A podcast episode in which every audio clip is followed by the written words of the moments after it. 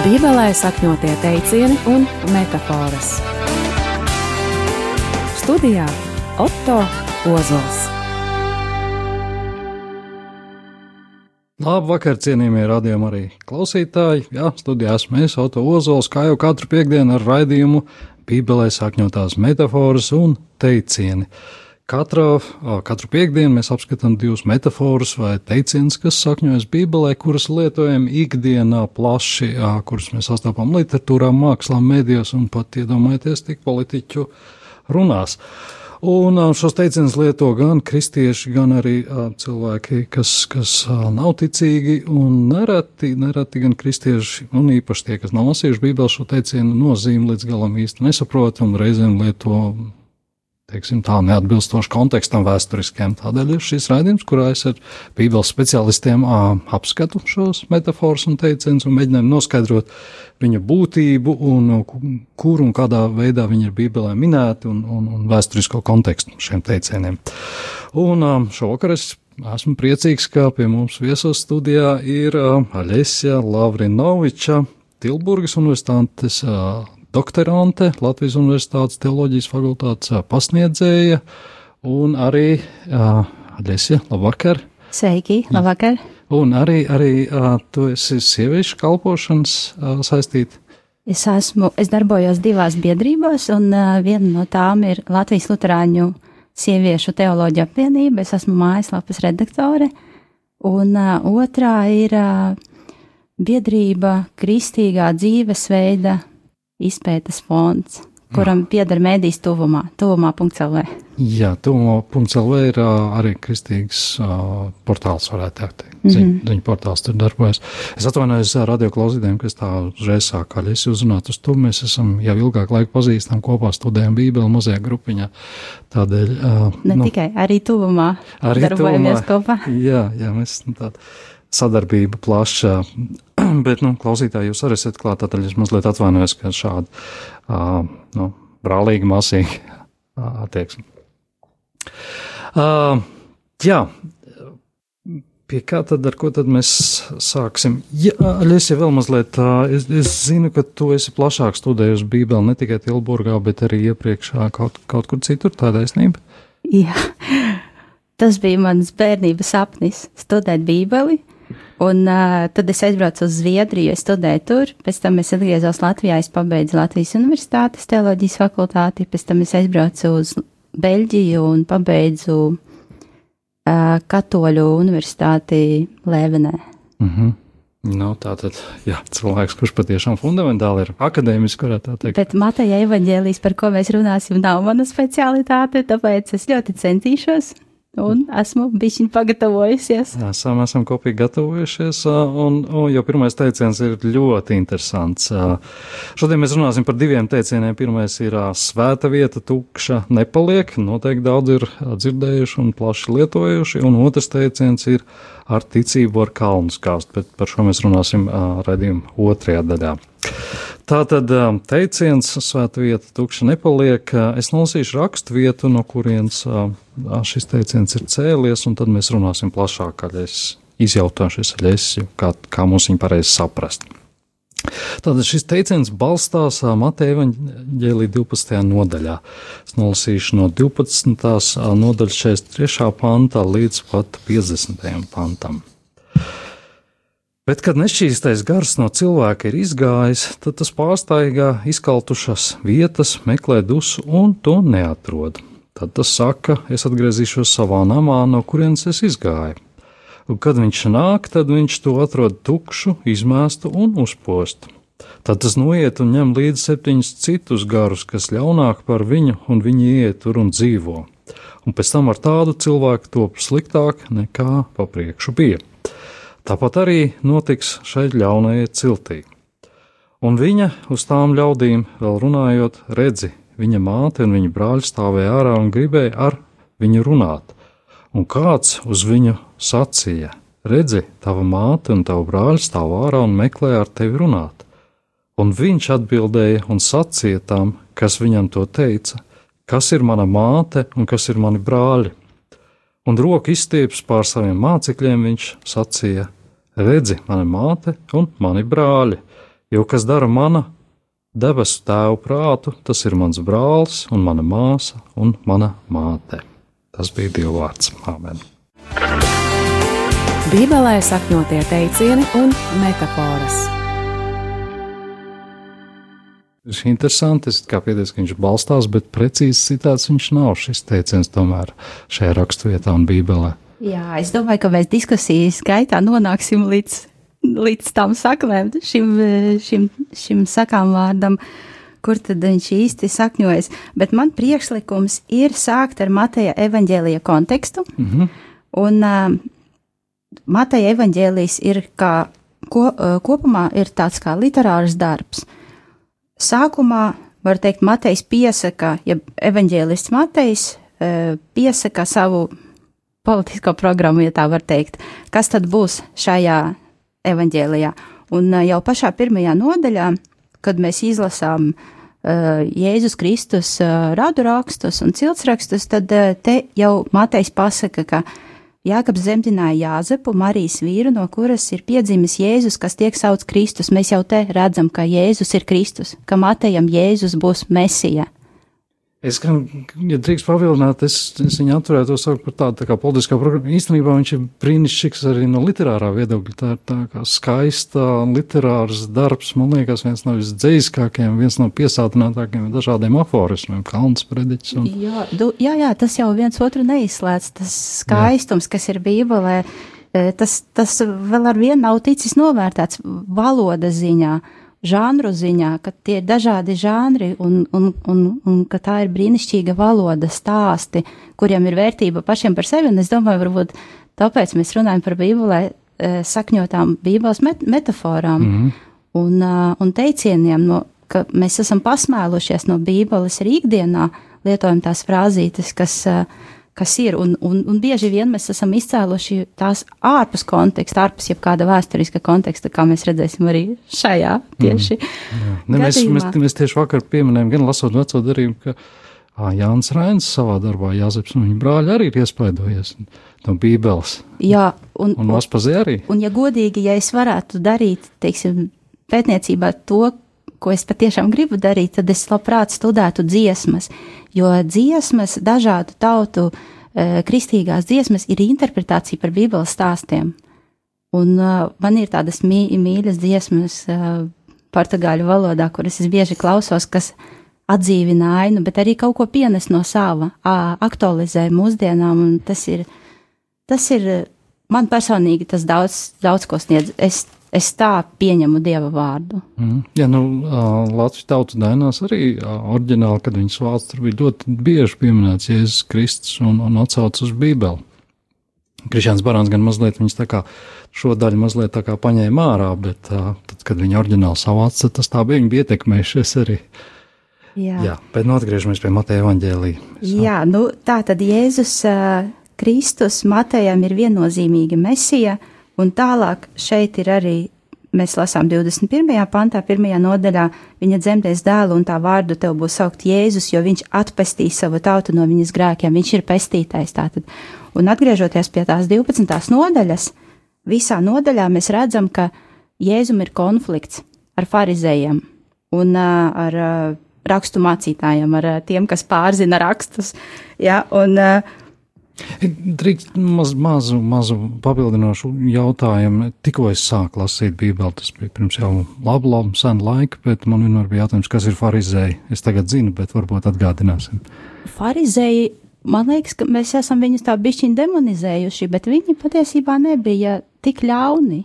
Viņi bija ne, tāda svētuma kustība, kas gribēja arī dzīvot pēc dieva likuma, ne tikai formāli, ne tikai pildot rituālus, ne tikai arī e, saistībā ar templi, bet viņi gribēja kaut ko vairāk. Līdz ar to savā ziņā tagad, e, lūkojoties no mūsdienām atpakaļ uz e, tiem sliktajiem farizējiem, ar ko Jēzus vienmēr ir, ir kaut, kādā, kaut kādā verbālā konfliktā, liekas, nu, varbūt tā apsūdzība viņiem ir bijusi pārāk liela.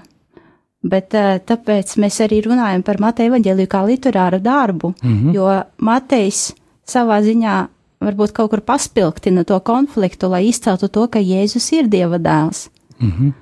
Un, uh, lai var saprast to kontrastu, ka ne, ne šis, ne tikai likums, jā, bet, bet ka mums ir mesija atnācis. Nu, tā, tā es saprotu. Viņš tā kā izceļ, ka, ka, ka šī mesija ir augstāka par likumiem, ierasto kārtību. Nu, ja mēs paskatāmies tajā 12. nodaļā, 12. nodaļa sākas ar divām lietām. Pirmkārt, uh, sabats, un sabatā nedrīkstēja strādāt, Un šeit pat ir Jēzus mācekļi, kas iet cauri laukam, plūc vārpas un ēd, uz ko jau farizē ir klāt un aizrāda. Nākošais sabatā Jēzus dziedina slimo. Atkal farizē ir klāt, ja, un aizrāda. Un man jau tas, tas manuprāt, tulītās mēs nāksim līdz tam 43. pantam, bet 6. pantā šeit ir, šeit Jēzus Atbilde ir, bet es jums saku, šeitan ir lielāks par dieva namu. Un uh, tas nams, nams un telpa un tā izmestā un iztīrītā telpa, ar ko Jēzus salīdzina cilvēku, ir, ir kaut kas līdzīgs. Jēzus sevi tagad pasludina par to, ka viņš ir pat lielāks par dieva templi. Un tālāk ir tāds vēl norobežojam šaurāku kontekstu. 22. pantā ir uh, ļauno garu apsēstais kuru Jēzus atbrīvo, dziedina, te burtiski uh, rakstīts, ne, un uh, viņš viņu darīja veselu, un visi ļaudis brīnījās un sacīja, vai šis nav Dāvida dēls. Tā tad Jēzus ir Mesija, viņš dara brīnumus, ko tikai Dievs var, viņš saka, šeit ir lielāks nekā Dieva templis, un uh, ļaudis brīnās, vai tas nav Dāvida dēls, viņi viņu uh, samazina uh, statusā. Un tad ir rakstīts, bet farizēji to dzirdēdami pēc tam sāka viņam pārmest, ka viņš to dara ar ļauno gāru valdnieka Belcebula palīdzību, ka tas nav nekas, nekāds dievs, ka viņi kontrastē dieva darbu ar, ar ļauno garu darbu. Un tad vēl sašaurinot to kontekstu, 38. pantā daži no rakstu mācītājiem un farizējiem atbildēja un uz to sacīja uz Jēzu: Rādi mums zīmi, Un šīs te, ko, ko tu lasīji, šis teksts ir Jēzus atbilde uz zīmi, rādi mums zīmi, jo Jēzus jau visu laiku dara brīnumus. Un vēl viņiem vajag īpašu zīmi, jo, re, jo respektīvi viņiem ir grūti ieraudzīt, ka viņu priekšā ir mesija, tas, uz ko viņi gaidīja visu laiku. Un tad Jēzus šeit saka par, bet, par arī par cilti, te vairākas, vairākās vietās Jēzus mm, mīn to cilti, vai ne? Ļauno un laulības pārkāpēja cilts meklē zīmes, un viņai nekāda cita zīme netiks dota kā vien pravieša Jonas zīme. Tad viņš min niniviešus, tad viņš min ķēniņieni no dienvidiem, kas celsies pret šo cilti, jā, un tad viņš saka, šeit ir vairāk nekā Salamans. Viņš atkal viņam pasaka, kas viņš ir. Un tad šī, eh, šī līdzība par eh, ļaunajiem, septiņiem ļaunajiem gariem ir eh, iekš šī Jēzus argumenta uz, uz atbildi, nu tad rādi mums zīmi. Pēc būtības viņš neko labu viņiem nepasaka. Un, un tāpat arī notiks šai ļaunajai ciltī. Mēs varam tikai kontekstā redzēt, ka viņš to adresē šajā vietā rakstu mācītājiem un farizējiem, nevienam citam. Un, nu jā, un interesanti, ka es, kad lasīju šo raksturvietu, ja viņš 23. pantā ir rakstīts, ka cilvēki brīnījās un saka, vai tik šis nav Dāvida dēls? Kaut kāds cilvēks, vai ne, nu, no Dāvida, vai ne, no, no Dāvida dēls, bet, nu, viņš ir cilvēks ar īpašām spējām. Viņi brīnās, un tad Un tad atcerēsimies, ka bija jā, jāskatās laika kontekstā, tad šādi cilvēki bija nu, diezgan daudz, šie, nu, kas uz, uzdeva par brīnumu dariem un darīja tādus lielākus un mazākus brīnumus. Tas tajā, tā laika sabiedrībā nebija nekas pārsteidzošs. Jā, jā. Īstenībā mūsdienās arī pa brīdim tāda uzrādās. Jā, tu parastais cilvēks. Cilvēki domā, nu, viņš ir īpašs, jo viņš dziedina, jā. Un tad, kad šeit interesanti, ka tu esi ielicis šajā diskusijā rakstu vietu par par māti un brāļiem, jo man šeit, lasot to visu kopumā, liekas, ka ir tāds, tā kā šeit ir tāds noslēdzošais moments atbildēji uz Dāvida dēlu un uz brīnumiem, ka tad, kad viņš ir, tad, kad viņš runā par dieva lietām, par to, ko dara Dievs, viņam saka, ej, paga, puisīt, reku tavu māmu un brāļi, jā, tu neaizmirsti, kas tu esi un no kurienes tu nāc, tev ir, nu, tev ir fiziska, bioloģiska ģimene, tev ir konkrēts konteksts, kur tu esi izcēlies, un citos evaņģēlijos rakstīts, vai tad tas nav tas, kura, kura māsas mēs esam aprecējuši, jā. Un, un tad Jēzus atbild,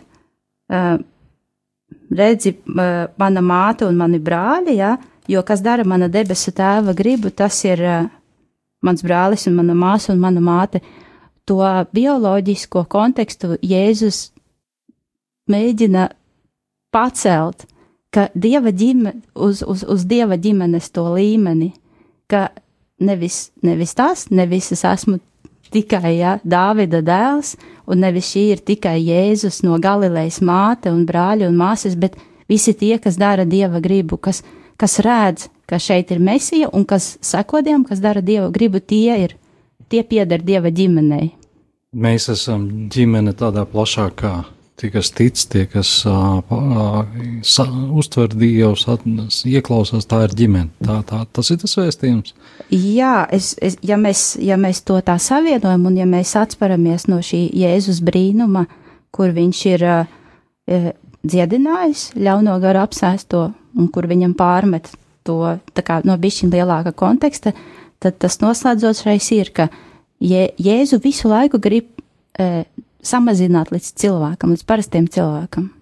Es, es, es tagad mēģinu, es mazliet runāju no tāda nezinoša, mazāk zinoša, mazāk pieredzējušā kristiešu viedokļa, vai, vai šī vieta varētu būt tas, tas brīdis, kad kristieši sāk viens otru devēt par brāļiem un māsām. Mēs ieiet draudzē, satiekot kā draudzes vai citu kristieti, mēs sakam sveiks brāli sveiks māsa, vai šī vieta varētu būt Noteikti viena no, ši, no tām raksturvietām ir šī, vēl ir Pāvela vēstules, kur viņš sauc draudzi par Kristus miesu. Cilvēkus, kas ir pat, pat, pat, pat vēl intīmāk, var teikt, tie, tie cilvēki, brāļi un māsas, kas uh, kopīgi apliecina Dievu, tie ir Kristus miesa. Mm -hmm. Jā, nu, mēs esam visi, visi Kristu, jā. Bet, uh, nu, uh, skaidrs, bet. Svēta vieta, tukša nepaliek šis teiciens. Tad kā, kā, kā mēs viņu saprotam šajā kontekstā? Nu, kā, kā vispār man vienkārši cilvēks saka, jā, svēta vieta tukša nepaliek, šī, šī doma nāk no Bībeles, bet es tā viņu ļoti precīzi nenolasu. es arī viņu ļoti precīzi šeit nenolasu, bet tā ideja noteikti šeit ir. Mm -hmm ja nav nekā, tad, tad, tad, tad kaut kas vienmēr būs. Nu, nevar būt tā, ka nav. E, tas salīdzinājums ar, ar, to, ar to cilvēku šeit ir tāds e, vairāk anatomisks. Bet jā. Bet svēta vieta tas ir. Ja, ja kaut kur ir jābūt svētumam, tad viņš tiks piepildīts. Varbūt tā tas tiek domāts. Uh, nu, svēta vieta, ja kā nu, cilvēks ir svēta vai baznīca vai, nu, vai telpa, tad uh, Dievs caur Bībeli tiek pateikts, ka tas uh, piepildīšana būs. Nu jā, mēs varam atcerēties par Dieva templi, vai ne, un Jēzus sevi identificē tādā ziņā, viņš saka, ka viņš pat ir lielāks par Dieva nāmu šeit, šajā pašā nodaļā, un arī Un, un ja mēs, es, es, es par šo ļoti domāju, bet ja mēs to ņemam tādā negatīvā kontekstā, kā konfrontāciju ar farizējiem un Jēzu, tad es atcerējos, ka vēl taču Mateja evaņģēlija beigās, tad, kad Jēzus nomira, tempļa priekš, priekškarš pār, pārplīs uz pusēm. Un uh, ir cilvēki, kas to interpretē tā, ka dieva klātbūtne ir izgājusi ārā no, no svētās vietas, ka dieva klātbūtne ir izgājusi ārā. Un tad tur arī ir, tās pēc tam tur sekoja tempļa sagraušana. Vai ne, ja to tā ņem tādā nākotnes, varbūt perspektīvā, tad, tad tie, tie ļaunie gari, nu sanāk, ir tie politiskie spēki, jā, kas iznīcināja templi. Jā, tad mēs varam arī no tāda viedokļa paskatīties, ja, ja kāda vieta zaudē to savu svēto piepildījumu, tad viņa, nu, es pat nezinu, kā fizikā vielas nezudamības likums, tad viņi automātiski tiek piepildīti ar kādu citu saturu. Jā, arī dabā, vai ne? Arī dabā, jā. Ja kaut kur ir kaut kāds tukšums, tad tur būs vai nu ūdens, vai nu zeme, vai nu kaut kas seismiski radīsies. Jā, nu, teiksim, ja tur nav pie Kristus ticīgie pazuduši, kristietība ir izgājusi ārā, šis svētais gars ir pametis to vietu, tad viņa agrāk vēl tiks piepildīta ar, ar ko nebūtu citu. Jā, jā. Jā, nu, tā mēs tā. Bet par to teicienu. Jā, Es paskatījos vienu pētījumu, kuras autore ir Viktorija Smolkina Rotroka. Viņa ir Krievijas vēstures profesore. Viņa ir pārliecināta, ka šis sakāmvārds svēta vieta tukša nepaliks, ir krievu sakāmvārds. jā, nu bieži viņi lieto, jā. Jā, un ka šis sakāmvārds ir radies pēc Staļina nāves. Ševismā. jā. Vai nebija sanāks, bet jā, es, es arī mēģināju atrast, un viņiem arī tie, tie skaidrojumi nebija tik precīzi. Viņa saka, ka pirmo eh, 50. gados jau eh, pirmais šo teicienu lietoja Vladimirs Tendrikovs, eh, viņš bija novelists, rakstnieks, un eh, līdz, līdz tam viņš ir rakstījis savas noveles diezgan neitrāli. Un tad viņš sāka vērsties pret kristietību. Un, kad pēc Staļina nāves, ja nemaldos, bija nodibināta ideoloģiskā komisija, ko darīt, kā aizpildīt šo svēto vietu, jā, pēdiņās, tad uh, šis uh, cilvēks, rakstnieks Tendrjakovs, viņš tā arī teica, ka padomju valstī ir jāpievēršas reliģijai un morālei, jo, ja valsts to nedarīs, tad to darīs baznīca. Un tad uh, ideoloģija sāka aizpildīt uh, reliģijas vietu padomju savienībā. Nevis aizpildīt, jo jau, jau nebija jau tā tās vietas, ja nebija ateisms, bet, bet uh, pastiprināti spēlēt arī uz to, ka uh, komunismam ir arī kaut kāda uh, morālā un uh, reliģiskā vērtība. Nu, būtībā tiek uzskatīts, ka, ka, ka, ka komunisms savā būtībā bija laicīgā reliģija. Jā, nu, es viņu jā. varbūt tā mazliet nievājoši saucu par erzats, jā, tādu pseido reliģiju, bet, bet akadēmiski pētnieki viņu tā, tieši tā arī dēvē, ka, ka tā bija pse, laicīgā nu, Jā, pseido jā. reliģija. Jā, Viņi arī bija nozaguši vienu lielu daļu atribūtus no kristietības. jā. Un sākumā bija vēršanās pret uh, baznīcu, kā Smolkina Rotroka rakstīja. Pēc kāda laika, kad tas nav palīdzējis, jo bija viens brīdis, kad cilvēki par spīti visam gāja savus bērnus kristīt, baznīcās tik un tā, tad uh, padomju vara sāka domāt, kā sadarboties ar baznīcu. Manuprāt, īpaši tas notika otrā pasaules kara laikā, kad, kad, nu, kad viņi saprata, ka tas varētu būt labs veids, kā mobilizēt Jā, Krievu jā, bet arī pēc tam, mm, arī, arī taču Hruščova laikā un, Un un Brežņeva laikā. Tos čekas maisus, kur ne, nemazums garīdznieku ir.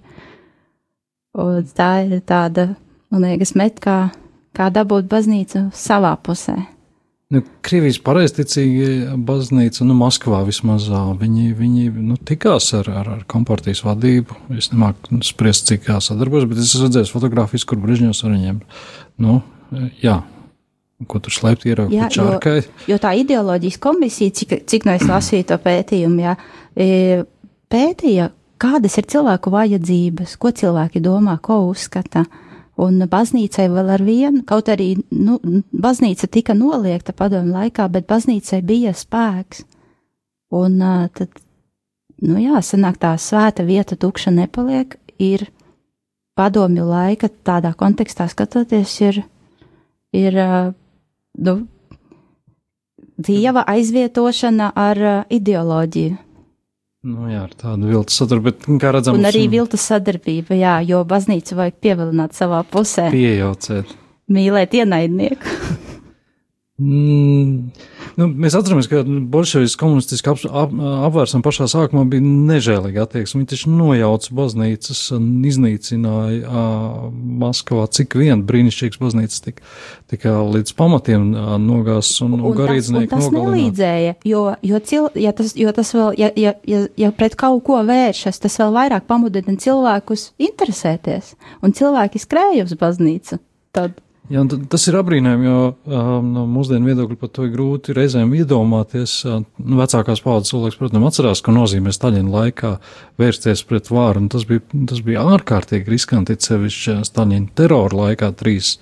7, 3, 8, 3, 9 gadā tas bija ārprāts, bet nesalauz, jā.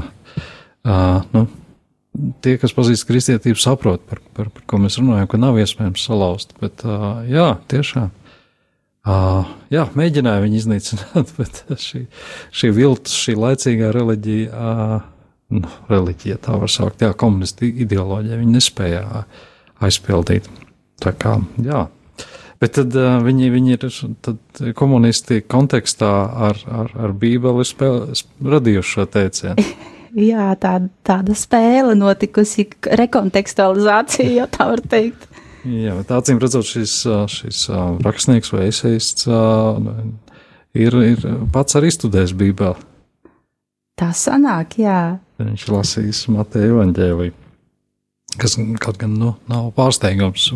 Nāšanas ir uh, inteliģents cilvēku komplekts uh, jebkurā sabiedrībā, jebkurā valstī. Es, es lasīju tādu interesantu lietu, ja mums vēl ir laiciņš pišķiņ par šo raksturvietu parunāt. Uh, ka arī kosmonautus uh, izjautāja, taču padomju laikā, nu, jūs esat bijuši tur augšā kosmosā, jūs tur dievu redzējāt?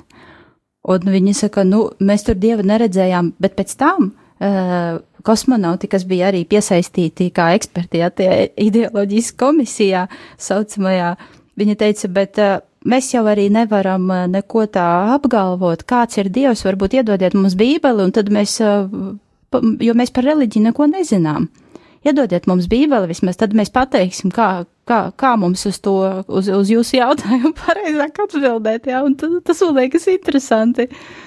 Jā, šajā saistībā bija kāda leģenda, kuras pēkšņi ātrumā aizmirsu. Jā, jā, arī par padomju kosmonautiem, kuriem jautāja šo jautājumu, bet uh, jā, tur bija, tur bija leģenda, Hruščovs bija bijis šis iesprins par šo lietu. Bet no otras puses, ja mēs runājam par kosmonautiem, kā Amerika, kā rietumu pasaulē viņus devē par astronautiem, ka pirmais cilvēks, kurš izkāpa uz mēnesi, Nils Armstrongs, viņš pēc tam kļuva par ļoti, ļoti aktīvu kristieti. Ļoti tādu pārliecinātu kristieti. Jā, var, varbūt arī tā, tā varbūt, ka esot kaut kur augšā, uh, ārpus Zemes, varbūt arī padomju kosmonautiem vai astronautiem bija sajūta, ka ir kaut kas vairāk nekā mana realitāte, mans ciematiņš, jā, mana, mana valsts un uh, mana padomju savienības ideoloģija, komunis, komunisms, bet tāpēc viņi prasīja to bībeli, varbūt, lai viņi varētu patiešām kaut ko vairāk saprast un arī noformulēt priekš sevis, pirms, pirms viņi atbild uz jautājumu, Dieva nav, jo mēs viņu kosmosā neredzējām. -hmm. Jā, interesanti. Svēta vieta tukša nepaliek. Pat kosmonautiem ir nepieciešama bībele, lai izprastu šīs lietas. Jā, nu, tad būsim tā mēģinājuši tikt ar to skaidrību ar šo teicienu. Tagad būs neliela muzikāla pauze, pēc kura mēs runāsim par citu teicienu, kas gan ir ļoti precīzi. Bībelē sakņots ar ticību var kalnu skāst. Na, na, na, na, na. Ticība ir tā, kas zina tev graudi. Kalni tavā priekšā pārcelsies,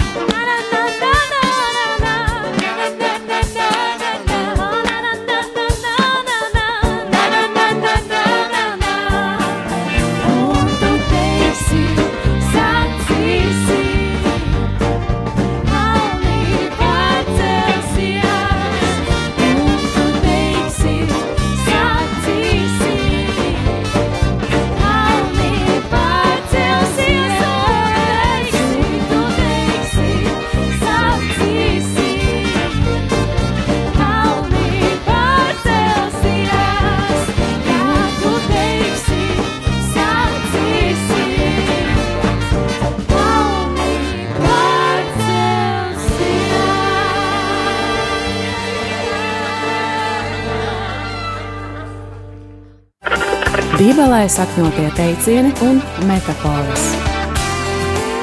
Studijā Otto Ozols. Jā, studijā Otto Ozols ir rādījuma Bībelē sakņotājās ā, teicieni un metafāras, un nu pat tikko jūs dzirdējāt Zandas locinieces dziedāto dziesmu par siniepu graudiņu, kur tieši runā ar ticību ar kalnu skāstu. Šis bija ieraksts no, no GLS pasākuma, tas ir dzīvēs ieraksts, o, jā, jūs dzirdējat. Es tieši gribēju pateikt pārtraukumā, es šo dzirdēju GLS pasākumā. Jā, mani ļoti uzrunā šī versija. Un es mēģināju noskaidrot uh, šīs dziesmas izcelsmi, un, un, un, un kristīgie cilvēki man teica, mēs visu bērnību esam dziedājuši uh, svētdienas skolā un, un, un, bērnu nometnēs kristīgais, bet no kurienes viņa nākus, neviens uh, tieši par melodijas runāja. Jā. Bet Zanda Locinieca viņa ir aranžējusi, un kad viņa uh, spēlēs, es dzirdēju baznīcās, ka viņa spēlē, tad tas tā uzreiz, nu, draudzi tā jūtas iedvesmot. Jā, ar ticību ar kalnu skāstu. Šī ir otrā metāfora, mm, par kuru mēs šo, vai teiciens, ā, par kuru mēs runāsim. Atgādinu, ka šodien studijā ā, esam aicinājuši Āļesiju Lavrinoviču, Tilburgas universitātes doktorantu un Latvijas universitātes teoloģijas fakultātes pasniedzēju. Un, un, un es tad nu, izjautāju, kā mums saprast šos teicienus, kas ir balstīti Bībelē. Un tas otrais teiciens, kā jau es tikko minēju, ar ticību var kalnu skāst. Un es ātri nolasīšu rakstu vietu, kurā tas ir minēts. Tā ir Mateja, tas ir Mateja evaņģēlijas 17. nodaļa no 14. līdz 21. pantam. Nolasīšu. Un kad tie aizgāja pie ļaudīm, pie viņa atnāca viens cilvēks, metās viņa priekšā ceļos un sacīja: Kungs apžēlojas par manu dēlu, viņš ir mēnesisardzīgs un viņam daudz jācieš, jo viņš bieži krīt ugunī un bieži ūdenī. Un es to atvedu pie taviem mācekļiem, bet tie viņu nevarēja dziedināt. Bet Jēzus atbildēja un sacīja: Ak, tu neticīgā un samaitātā cilts, cik ilgi es vēl būšu pie jums, cik ilgi es vēl jūs panesīšu, vediet man to šurp.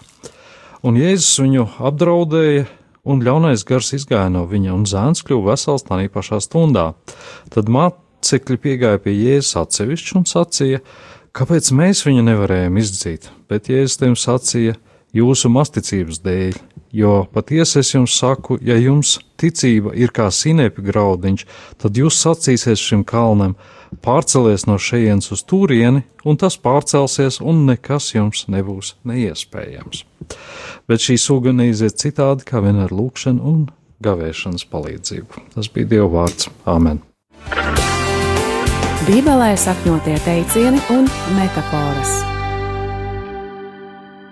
Jā, tikko es norakstīju Mateja Vāģēlijas 17. nodaļu no 14. līdz 21. pantām, un te ir maza piebilde par 21. pantu. Es viņu nolasīšu vēlreiz, bet šī suga neiziet citādi kā vien ar lūkšanas un kavēšanas palīdzību. Vai esat bija kaut kas pie, piebilstams par šo pantu? Jā, ja mēs lasām ā, jauno Bībeles tulkojumu, kas ir iznācis 2012. gadā, ja nemaldos, tad uh, tur mēs šo 21. pantu vairs neredzam. Tur ir maza, maziņš burtiņš A un rakstīts um, zemesvītras piezīmē. Dažos manuskriptos ir šis 21. pāns, bet uh, pašā tekstā tas nav atstāts. Bet arī, ja mēs lasām 65. gada revidēto tekstu, man šeit ir kvadrāti iekavās jau šis pāns ielikts. Un kāpēc tā? Jo dažos manuskriptos šis pāns ir, un dažos manuskriptos rokrakstos, respektīvi, nav. Un uh, es pētīju, skatījos to liecību par rokrakstiem. Rokraksti sadalās gandrīz vienmērīgi, vienmērīgās daļās, un arī mūsu lielie 4. gadsimta kodeksi, kas ir Vatikāna kodeks un Sinaja kodeks, kas ir pamatā šim tekstam, izstrādājot grieķu valodas jauno derību mūsdienās, ko pētnieki lasa, tad, tad ir interesanti, ka Vatikāna kodeksā šis pants nav, bet Sinaja kodeksā šis pants nav, taču vēlāks korektors vai uh, redaktors, kas ir lasījis iespējams pat ne 4. gadsimtā, bet 7. gadsimtā, ir pierakstījis šo pantu augšā, pašā augšējā malā. Tā kā tas pāns ir, iedomājies, Sinēja kodeksā ir, uh, ja es nemaldos, tad četri, četras, uh, četri stabiņi ar tekstu, un augšā ir uh, 21. pāns. Vienkārši tāds, tā, tā, tā, tā kā piezīme uz grāmatām, zini. Un tas ir licis domāt, um, pētniekiem domāt par to, ka tomēr šis pants nav tur bijis iekšā. Redaktoram uznākusi iedvesma, viņš izdarīja savus piezīmes. Jā, uh, jā vai arī, vai arī uh, šis, šis ir kā komentārs tam, ka agrīnie kristieši saprata, ka kaut kas vairāk ir vajadzīgs nekā ticība, ir vajadzīga garīgā disciplīna, lai jā, Dievs sadzirdētu lūgšanas un, un uh, ir vajadzīga lūgšana un gavēšana. Mhm. Jā, nu tad uh, pieķersimies pie pašā teiciena.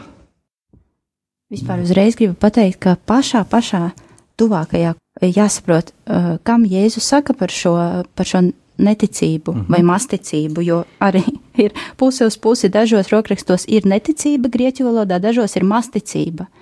Un uh, mums ir. Uh, Mums ir kas masticība, Masticība, jā. bet grieķu pareizticīgo baznīcas tekstā ir uh, neticība.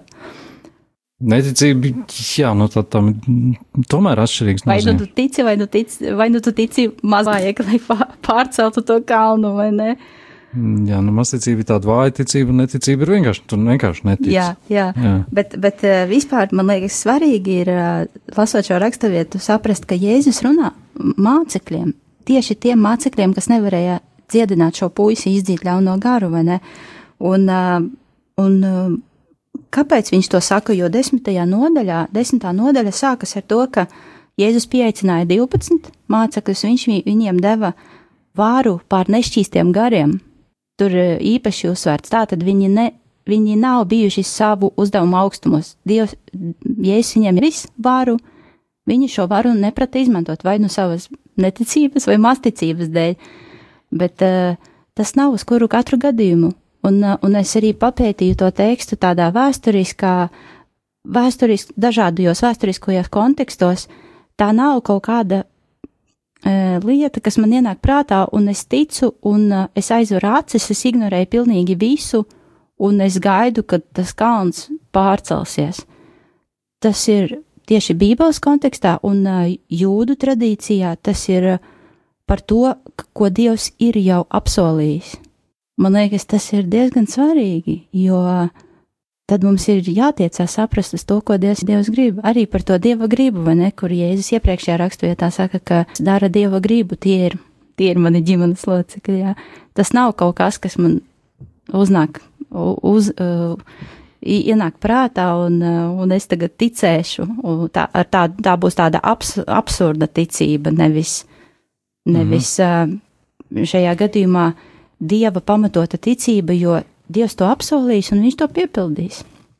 Jā, bet tas, tā smalki runājot, ja tā ticībai jābūt sakārtotai, struktūrizētai un, un mērķtiecīgai. Tā, tā tas ir domāts. Tai ticībai jābūt parastai, kā Jēzus teica, sinefju graudiņš, un vienkārši Tad, mm, jā, labi. Bet viņš taču nav vismazākā no sēklām. Un tas, un, un tas jau vien mūs mudina domāt, ka runa ir par metaforisku salīdzinājumu. Man cit, nu, tik un tā salīdzinot ar kalnu, tas sinepju graudiņš tomēr Jā, nu, jā, ir, jā, ir jā. ļoti mazs. Man sanā, es gan aizdomājos mazliet savādāk, un es to vienmēr tās iedomājies, ā, lai Dievs man piedod šo salīdzinājumu, bet varbūt tādā pozitīvā veidā. Varbūt tas simbolizē to, ka, ka ticībai var būt tāds spēks, tā ir kā tāda pozitīva atombumba no tāda maza, salīdzinoši mazas vielas, mazas, tu vari izkustināt, pārbīdīt ā, kalnus. Jēzus jau citviet saka, ar Dievu visas lietas ir iespējamas. Jā, bet nu, te ir vienkārši domāju, tas tā mēroga lietas, ka, ka nu, tā ticības enerģijas, tas, Jā, jā, jā. tas kodols var būt tik jaudīgs, ka viņš var pā- pā- pārbīdīt tiešām šos kalnus vai masas. Varbūt tas arī to, tā tas ir domāts. Varbūt viņš ir nu, savā ziņā kaut kādā veidā jau pravietojis. Bet interesanti, ka Jēzus nevienu kalnu nav pārbīdījis pats. Nu, viņam bija svarīgākas lietas cilvēks dziedināt. Jā, un tad es uh, mēģināju meklēt vēsturē, kur tad ir tā kalnu, kalnu pārbīdīšana, kalnu gāšana. Es atradu, ka, piemēram, grāmatā, pravieša Zaharija grāmatā, 6. nodaļā, uh, Dievs vai dieva eņģeli saka Zaharijam par tempļa būvniecību, par pirmā tempļa būvniecību, un uh, tur ir tādi vārdi, ka ne ar spēku, ne ar garu, bet ar manu garu saka uh, Dievs, jā, un nākošais ir, ka, ka uh, bezmazai ka, kalns, kas tu esi, jā, jo tu tiksi nolīdzināts. Un, uh, un tas bija tāds dieva pravietojums par to, ka tiks uzcelts ce- templis. Un tad uh, interesanti, ka, uh, teiksim, ebreju nostāstos, kas nav, mm, kas nav kanoniski, kas nav vecajā derībā iekļauti, kas ir uh, bijuši, teiksim, starp veco un jauno derību uzrakstīti, ja, ka tas uh, tā kalna metafora bija, bija, ta, bija ta, tas saistīta ar mesiju, ka, ka reiz nāks, tad viņš būs tik spēcīgs, ka viņš paņems kalnus, teiksim, un uh, samals galīgi. Puķi, vai arī, ka, nu, respektīvi, ka viņš, ka viņš, ka mesija būs tas kalnu bīdītājs. Un, manuprāt, tas ir interesanti. Un viens ir, ka tas ir saistībā ar mesiju, bet otrs ir saistībā ar dieva glābšanu. Jo, piemēram, tāds Jozefs Flāvijs vēsturnieks, kas dzīvoja pirmajā gadsimtā mūsu ērā, starp citu, vienlaikus ar apostolu Pāvelu, viņš interpretēja to stāstu. Zini, kur Mūzes, uh, otrajā mūzes grāmatā, kur Mūzes uh, ir tas slavenais stāsts iet cauri jūrai, ka jūra pa, pašķīrās. Mhm. Bet uh, pirms tam jau bija bezizējas stāvoklis, jo viņiem pakaļ dzinās faraons un eģiptiešu karaspēks, viņiem priekšā ir jūra, un tas eh, Jozefs Flāvijs, it kā interpretējot Bībeles tekstu, bet viņš saka, viņiem priekšā ir jūra, un aizmugurē viņiem ir kalni. Bet paļaujieties uz Dievu, jo Dievs varēs vai nu tos kalnus e, nobīdīt, jā, lai glābtu jūs, vai nu arī tajā jūrā pacelt sauszemi. Un tas arī tā kā tāds kalns, jā, par kuru jūs iziesiet un būsiet drošībā. Vai nu tā, vai nu tā Dievs rīkosies. Tā kā tas ir saistīts ar Dieva darbu kaut kādu. Man tas likās interesanti, bet arī apustulis Pāvils taču lieto šo, šo pašu metaforu saistībā ar eh, mīlestību, kur viņš rakstā pirmajā vēstulē korintiešiem 13. nodaļā. Kur tas ir? Ja zinātu visus noslēpumus un atziņas dziļumus, un ja man būtu pilnīga ticība, ka varētu kalnus pārcelt, bet nebūtu mīlestības, tad es neesmu nekas. Un tā ir tā slavenā, kur ir stāsts par ticību, cerību. ir tiek izcelta, jo pat ticība, kas, kas kalnus pārceļ, Pāvēlam neliekas, pati par sevi neliekas, varbūt Dievam tik, tik patīkama kā mīlestība, vai arī jebkas, kas ir darīts mīlestībā.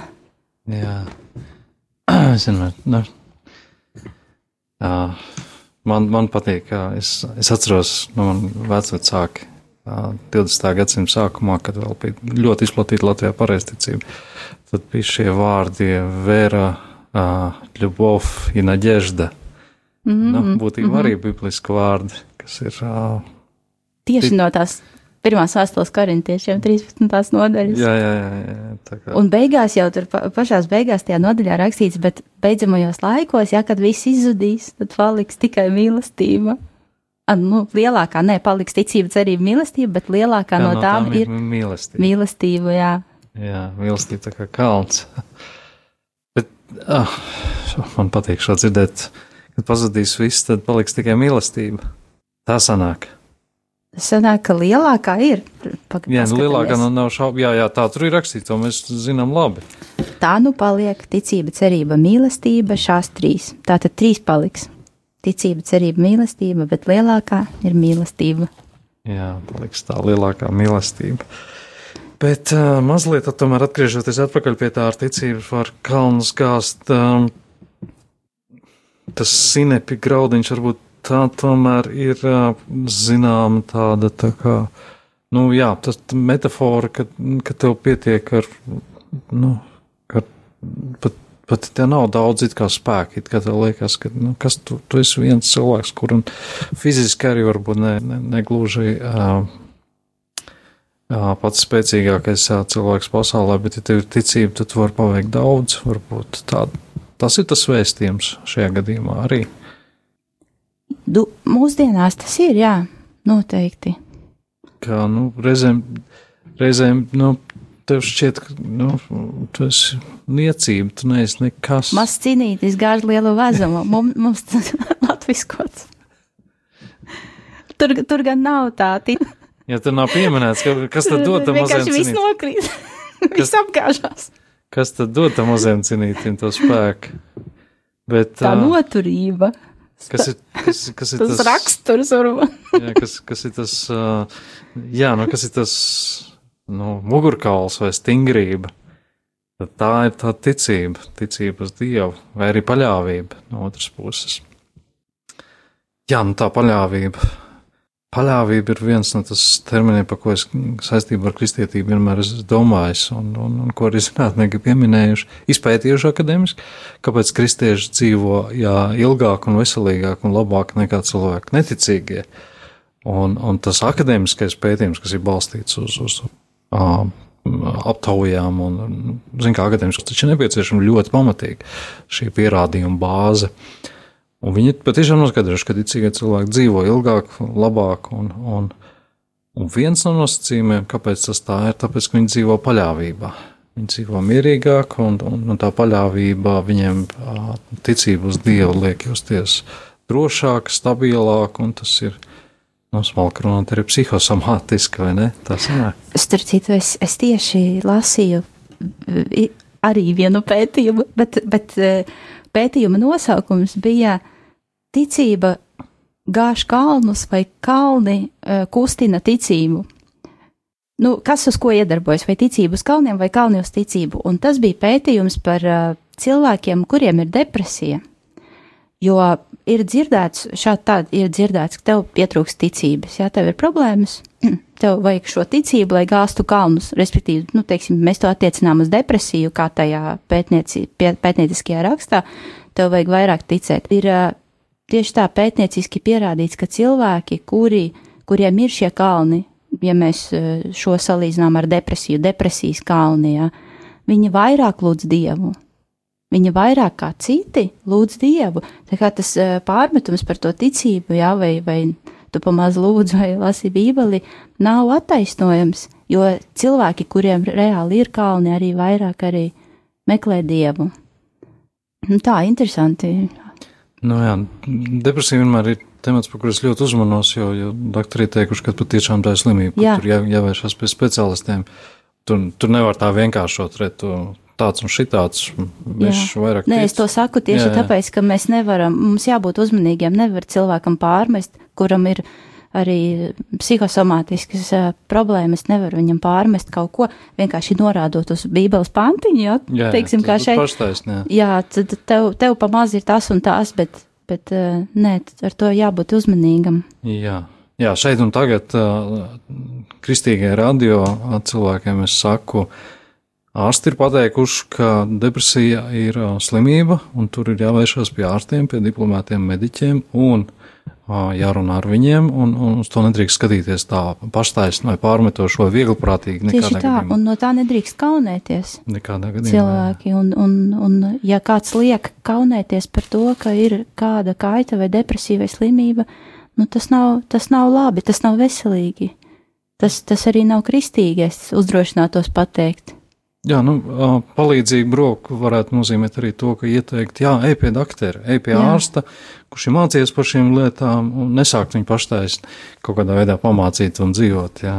Bet arī starp citajā pētījumā, starp citu, bija teikts, tas gan nav depresijas saistībā, kāpēc kristieši kā dzīvo ilgāk, ir tas, ka draudze.